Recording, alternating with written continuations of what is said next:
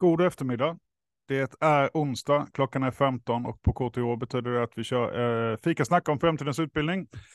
Och det är en kollegialt samtal där vi pratar om eh, utbildningsutveckling på KTH och utanför KTH, bortom KTH.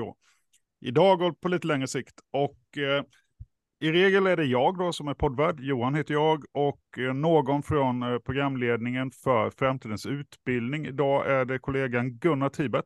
Tjena Gunnar! Hej hej, välkomna alla! Eh, och du är inte bara, du är inte bara eh, program, eh, del av utvecklingsprogrammet eh, Framtidens utbildning, du är också lite annat på KTH. Vad gör du mer? Jag undervisar eh, alldeles för många kurser eh, egentligen, men jag undervisar kurser inom framförallt rymdteknik eh, på mastersnivå. Jag undervisar nu kurser inom eh, jämställdhet och hållbar utveckling för flera program, tillämpad matte och matematik sedan ett år tillbaka. Eh, där jag också får tillfälle att testa olika sätt att undervisa. Kul. Eh, för det, det är undervisning vi pratar om och med oss har vi också eh, en gäst, en återvändande gäst eh, till poddsammanhang eh, i alla fall. Eh, Stefan Stenbom. Eh, de flesta känner dig nog från liksom, KTHs arbete under pandemin som vi kommer komma tillbaka till. Men du är ju också forskare inom digitalt lärande. Varmt välkommen till podden. Tack så mycket. Eh, och det är på tiden att vi, vi eh, språkas här. Vi har, vi har mycket att prata om och eh, det här är konversationer som som, som vi sa då inledningsvis, alltså det här är konversationer som pågår på KTH. Eh, och vi har ju fört diskussioner under många år om, om e-lärande och sånt där. Så det, det blir kul. Eh, det är också alltid varmt välkommet att skriva i chatten om man är en sådan som tittar på det här eller lyssnar på det här live.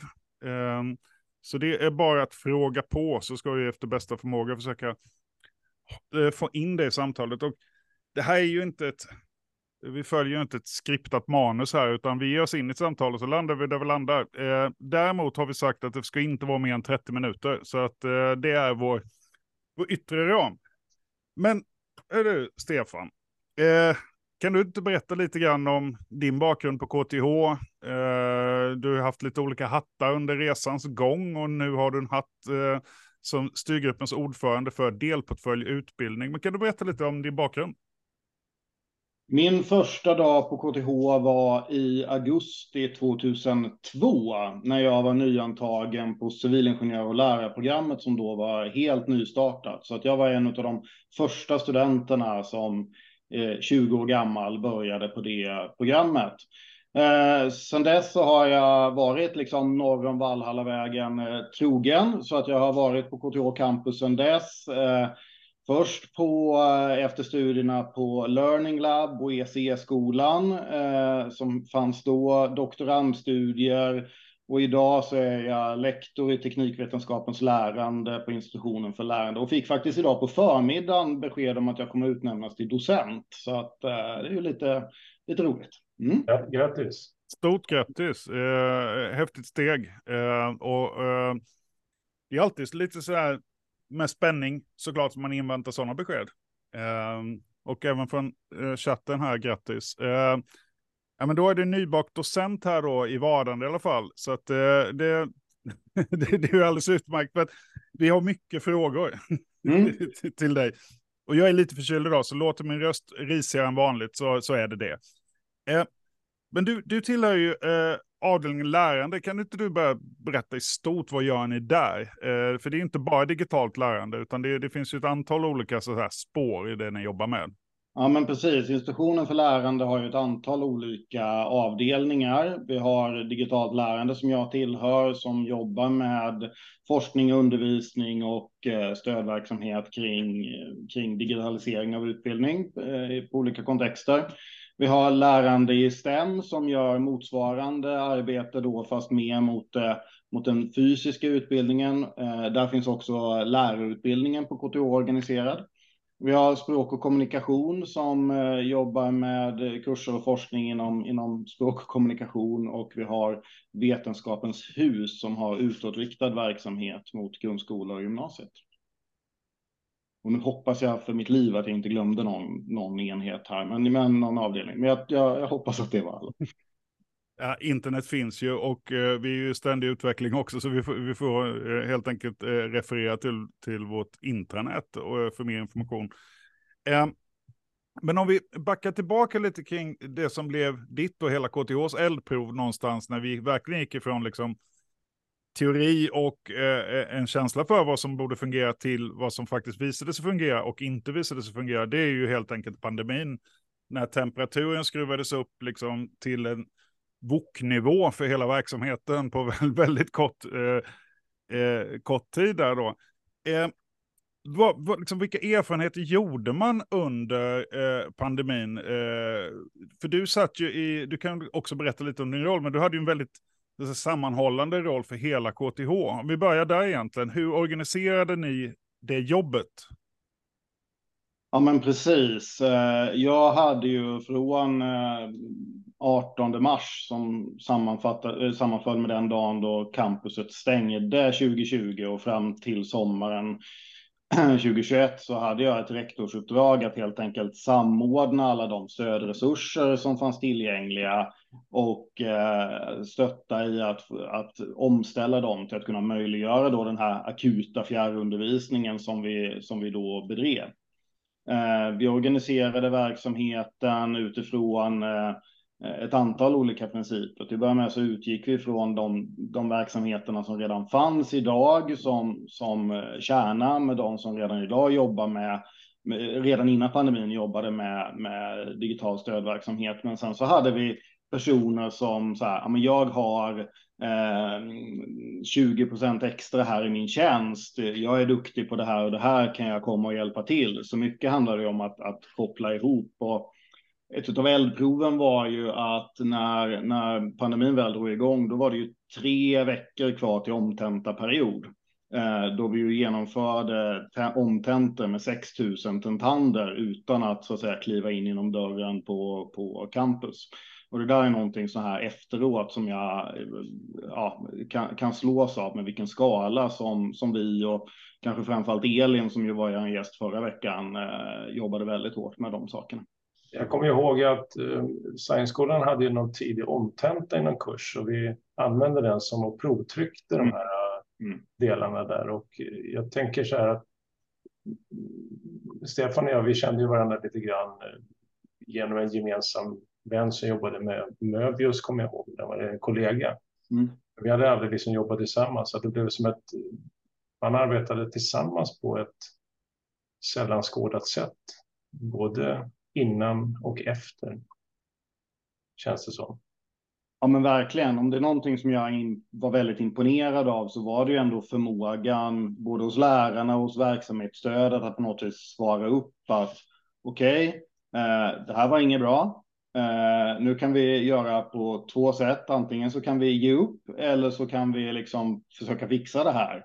Och, och den här kraften och dedikationen som fanns i lärarkåren, alltså globalt i världen, eh, i att ja, men nu fixar vi det här. Det är man ju liksom djupt imponerad av. Och jag måste säga att i Sverige hade vi ganska goda förutsättningar, eh, medan flera av mina kollegor runt om i världen, där universiteten inte hade ja, men vi har ju det här mötet idag i, i Zoom och, och, Zoom fanns ju på KTH när pandemin drog igång. Men det var ju många lärosäten som inte hade e-mötesverktyg och det var många lärosäten som inte hade lärplattformar som vi hade Canvas och ändå skulle hantera det här på något sätt. Så djupt imponerad av det eh, med den dedikation och med den som man liksom lös, löste upp det här, löste det här. Mm. Nej, och, och någonstans så ger det ju också den här känslan av att vi, om vi verkligen bestämmer oss så är vi otroligt lösningsorienterade eh, som, som verksamhet. Alltså det finns ju den kraften. Det handlar ju bara om att vi liksom måste samlas om en gemensam problemformulering då. Och sen så är det ju ingenjörs... Ingenjörandet handlar ju sen om att testa olika lösningar. Eh, och det, det, då kommer vi egentligen till min fråga, liksom så här, vilka goda erfarenheter Eh, gjorde vi under pandemin som är värda att slå vakt om? Och, och är det något vi inte ska göra? Eller är vi tillbaka till 2019 igen? Har vi bara stängt den dörren och, och gått tillbaka? Eller hur, hur, känner vi nu? För att man var ju väldigt matt efter pandemin. Det var ju hemskt skönt tycker jag att bara komma tillbaka till kontoret och göra som man alltid har gjort. Men vissa saker eh, var ju rätt bra. Eh, som vi, vi försöker slå vakt om det så vi liksom inte tappar de, de erfarenheter som är gjorda. Har, har du någon tanke där Stefan? Eller Gunnar? Ja, men till att börja med så vill jag ju säga att, att pandemin var ju utifrån ett individperspektiv en period då man bedrev mycket experimentell och innovativ verksamhet. Men det var ju ganska få saker utifrån mitt liksom, forskningsperspektiv som var nya och innovativa, utan det var ju mer att man tillämpade saker som redan hade använts, använts tidigare. Det som ju dök upp som ett, en ny fågel under pandemin var ju det här med akut fjärrundervisning.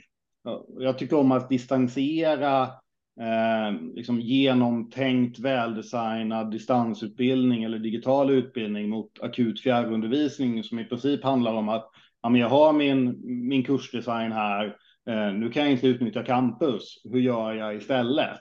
Och att det är, no är någonting annat. Ja. Eh, men, men, med det sagt så är det ju så att det finns ju massvis med spännande saker som, som har skett nu, nu framåt. Att vi, vi kan liksom se att, att pandemin var en tydlig omvälvande förändring som öppnade upp möjligheter att man, man började prata om om kärnan i lärande och utmanade vad som kanske var mm, normen och hur man bedrev utbildning på ett antal sätt. Den, den väckte många nya frågor och väldigt många spännande kollegiala diskussioner kring ja, men hur ser jag att min, eh, den här studentgruppen har fattat vad jag säger. Eh, någonting som man kanske tagit för givet tidigare, att man har jobbat med ansiktsuttryck eller man har jobbat med rörelsemönster eller sådana där saker.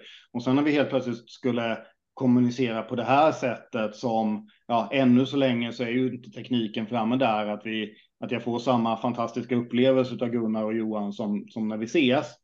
Eh, vad, vad, betyder det då? Vad behöver jag då anpassa för strategier för det? Mm, mm. Många sådana många sådana samtal som drog igång då som jag tycker har fortsatt också min reflektion är väl från att vara grundutbildningsansvarig under den perioden är också att man, man försökte ju lösa kurserna så att kurserna lyftes över i någon eh, elektro, digital plattform. För, men, men de var ju som pedagogiskt flöde, om man kallar det för, ganska oförändrade. Jag tänker mm. liksom en, en metafor i det, är liksom att när när jag började på KTH då, 91, då hade man precis börjat införa CAD-verktyg och då ritar man i datorn på samma sätt som man ritade på, med, på ritplattan. Men nu är ju CAD-verktyg, man, man jobbar ju inte så på det sättet. Så att, att ta då nästa steg och, och börja reflektera över liksom hur förstärkningen kan ske i lärandet med hjälp av mm. digitala verktyg.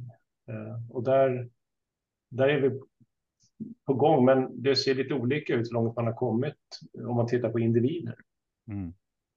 Ja, men en klassiker som jag alltid ofta brukar jämföra med är att om man tittar på de allra första bilarna som kom ut på marknaden så såg de väldigt mycket ut som en häst och vagn fast utan häst. Ja, just det. Man, man anar liksom var kuskbocken hade varit någonstans. Att, ja, men det är här vi startar. Liksom. Ja, men hur, hur driver vi det då vidare? Ja.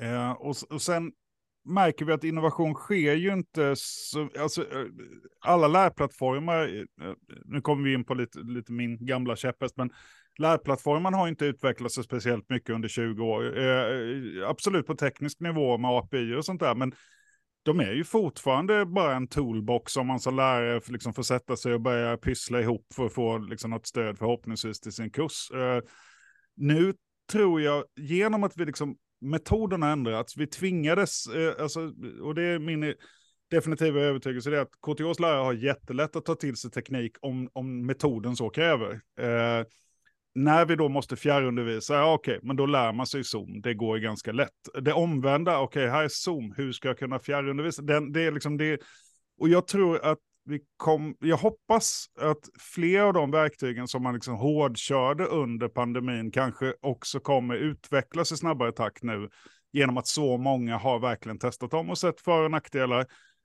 Eh, och vi ser till exempel mjuka värden är svårare att digitalisera, men ansiktsuttryck. Och andra aspekter också, eh, och där, det kommer vi komma in på, liksom, men vad behöver jag som lärare för analytics till exempel, för att veta hur det går för min min kohort och studenter i den här plattformen. än så länge, ja, jag kan se att de har varit där, jag kan se att de har sett en sida fem gånger, men jag kan inte se så hemskt mycket annat då. Eh, så att, jag, jag tror och hoppas att vi kan få, liksom, att de här erfarenheterna också hjälper oss få bättre verktyg. Men är, är det någonting under pandemin som, som du slogs av som du, där vi misslyckades eller där vi hade utmaningar? Jag tror att vi ibland fokuserade för mycket på att göra så små förändringar som möjligt eh, för att man skulle ändå känna igen sig. Lite mm. baserat på det, det, du, det du var inne på. Att det, ibland skulle man kanske ha vågat spänna vågen lite granna eh, och inte tänka bara, ja, men hur gör vi liksom minsta möjliga förändringen för att det ska vara så bekvämt som möjligt. Sen tycker jag att vi hade goda skäl med att göra det. Vi hade liksom en ovan, en ovan lärarkår, en ovan studentkår och då var det ganska då var det ganska tacksamt att liksom eh, använda dem eh, aktiviteter som vi är vana vid att genomföra och egentligen bara satte bokstaven E framför eller, mm, mm. eller något, något sånt. Men, men eh, om det är någonting som jag kan känna så här efteråt var att det hade varit kul om man hade kunnat komma lite längre innovationsmässigt un, under den perioden. Ja, och det, det mm. Och det, det, det är där liksom vi någonstans befinner oss nu då, att efter den här pandemin, där skulle vi kunna börja kanske fånga upp och jobba vidare då eh, på, på de här grejerna. Och det är väl där vi kanske kan se Framtidens utbildning som är liksom ett ramverk där man skulle kunna testa eh, sådana saker, alltså eh, erfarenheter eller tankar, koncept från, från pandemin och liksom kanske eh, eh flash it out lite till, till eh, mer experimentella nytänk. Ehm, eh, och vi, vi, har, vi touchade lite på det, men om vi går på en sån här grej som, eh, som ofta dyker upp då, inte minst då liksom, eh, hur kan jag följa mina studenter och sådär, det är ju learning analytics, alltså big data för, för eh, undervisning. Eh, vad, vad står vi där idag? Eh, jag vet att det är inte exakt ditt, eh, ditt nischområde, Stefan, men, men bara lite grann kort. Vad, vad är det för något? Vad står vi? Vad, vad, vad är dina tankar kring detta? Mm. Ja, men eh, som sagt, vill, vill, ni komma djupare i det här så finns det ju till exempel Olga Wiberg på ICE-skolan eller Tashmi Karkuntnate på, på digitalt lärande som, som jobbar med Learning Analytics som, som huvudsyssla. Men det man kan säga är att det Learning Analytics handlar om är att använda de, de spår som elever och lärare lämnar efter sig i digitala system. Ja, det kan ju vara i fysiska miljöer också, men framförallt i digitala system i syfte att förstå och optimera lärande och de miljöer som de, som de sker i. Um, man brukar prata om ett antal olika sådana liksom, perspektiv. Man, man kan jobba med sådana här dashboards, alltså informationstavlor där man kan få information om eh, vad som har hänt och vad det betyder. Eh, exempel på sådana är ju lösningar där man ganska tidigt kan detektera Eh, att riskstudenter, alltså studenter med högre sannolikhet till avhopp eller eh, sådär. Eh, det hade funnits spännande sådana saker. Ehm, det finns då, och då är jag inne på ett annat fält som då kallas för prediktiv analys, att man förutser, förutser framtiden i, med hjälp av de här datorna. Då. Ehm, andra sådana här, man har gjort ganska många stora studier där man har tittat på i vilken ordning som studenter eh, går igenom en, en kurs och, och genomströmning kopplat till det. Eh, sen har vi hela det här fältet med adaptiv eh, analys, alltså att, att eh, det digitala verktyget som man, som man jobbar med anpassar sig efter hur du beter dig i systemet. Eh, och, och sen har vi ju liksom sociala nätverk och diskursanalyser och ja, ja sådana här saker. Eh, Anledningen till att jag tror att Lönningarna Analytics ändå är tilltalande, allra helst på KTH, är ju att det är ju ett ingenjörslärosäte och det uppfattas som ganska tilltalande för många att kunna, att kunna räkna på lärande. Och jag är ju en sån själv som tycker det är fantastiskt spännande att liksom kunna eh, analysera eh, en utbildningssituation med siffror. Liksom. Eh, samtidigt som det finns en risk att man förenklar ganska komplexa fenomen och det finns etiska perspektiv med, med persondata som man behöver ta hänsyn till. Så som jag på något sätt använder någon, någon enkel version av det, framförallt genom quizar, är att jag då kan följa varenda individ på min kurs, även om de inte är på plats i klassrummet, mm. Eh, hur det går för dem. Mm. Men nästa steg i det, och det tilltalar mig också utifrån kanske stora grundkurser som vi har på Science-skolan, är att om man då identifierar students at risk, alltså studenter som, vad gör organisationen då? Mm. Och, och, där tror jag inte att det finns en, eh, det finns ingen bra beredskap riktigt för det. Eh, och där kanske vi inte har utnyttjat den här adaptiva eh, aspekterna som, som du lyfte upp då, att, att slussa dem in på en väg som ger dem det stödet som, som de behöver. Mm. Och där, där finns det en väldigt, ett väldigt glapp. Vi kan identifiera det, vi kan analysera det, men det finns inget i organisationen som fångar upp och stödjer på ett bra sätt. Mm. Mm. Ja, nej, och det, än så länge är ju detta ett forskningsområde. Vi tillämpar ju inte mycket analytics, eller vi, kanske i viss mån uppföljning då, men inte analys eller predikation i nuläget. Och framförallt så handlar det ju om, som, som Gunnar var inne på, att, att jobba med det som, verk, som lärarverktyg, som, som formativt bedömningsverktyg egentligen. Hur går det för min kurs? Hur går, mm. det, för, mm. hur, hur, hur, går det i kursen? Finns det några studenter som, som jag behöver vara orolig för eller inte och, och så där. Och, och, där finns ju vissa, även om de är ganska rudimentära, så finns det ju viss funktionalitet idag i, i ett antal olika lärplattformar där man kan liksom följa. Eh, mm. Um, ja, men och precis som Gunnar är inne på, men vad betyder det om det inte finns något system eller någon, någon metodik eller någon, någonting för att följa upp? Vad, ja, vad gör man då? då? Mm. Mm. Um, och det, nu har vi pratat lite om eh, eh, alltså det du har jobbat med och där du varit synlig på KTH. Vi har pratat lite nu om, om Learning Analytics som ändå är liksom någonting som, som rör liksom digitaliseringen och, och tänkbara effekter och den, tänkbara fördelar på sikt. Tänkte ändå också att, för du är ju egentligen forskare då.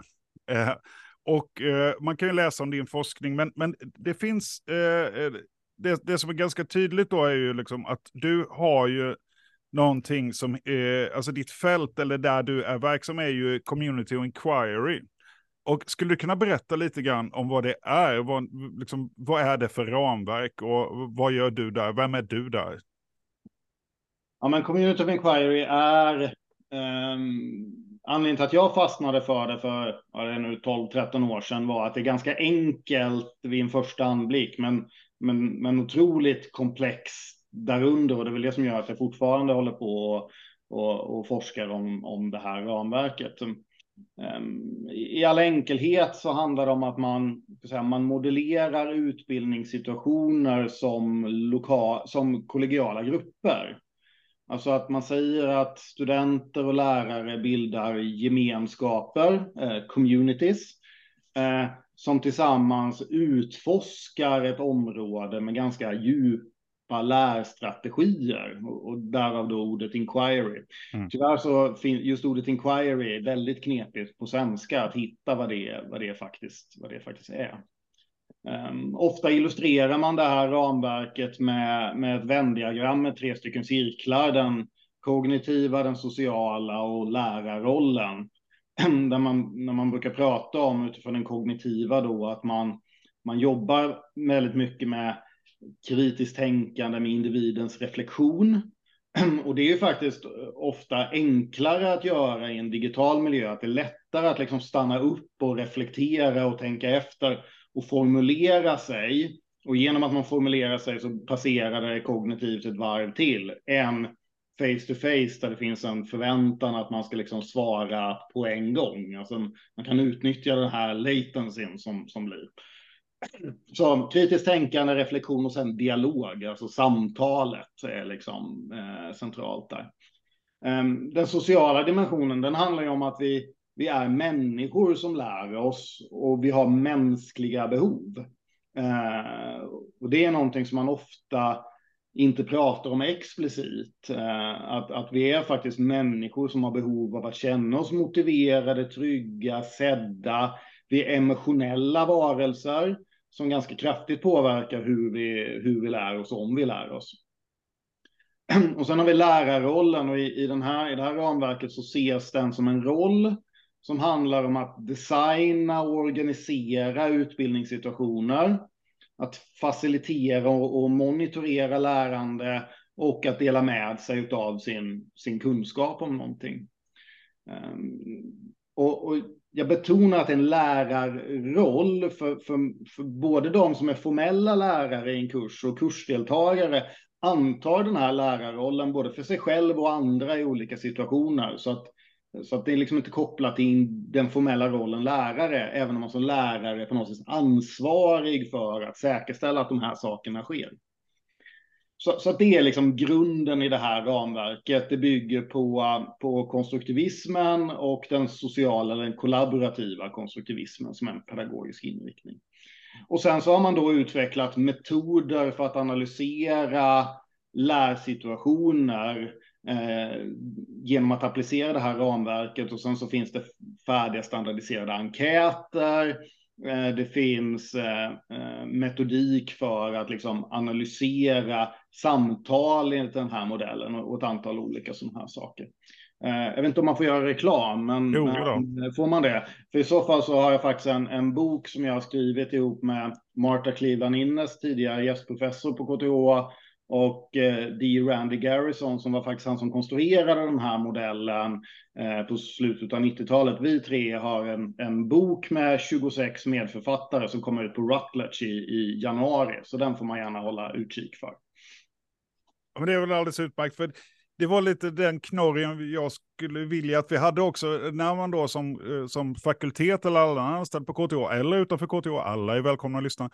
Eh, vart vänder man sig? Och eh, då forskningsfront här då, alltså din forskning, eh, Ja, men det är alldeles utmärkt. Börja med denna, denna bok eh, och titta lite på vad Stefan Stenbom har skrivit.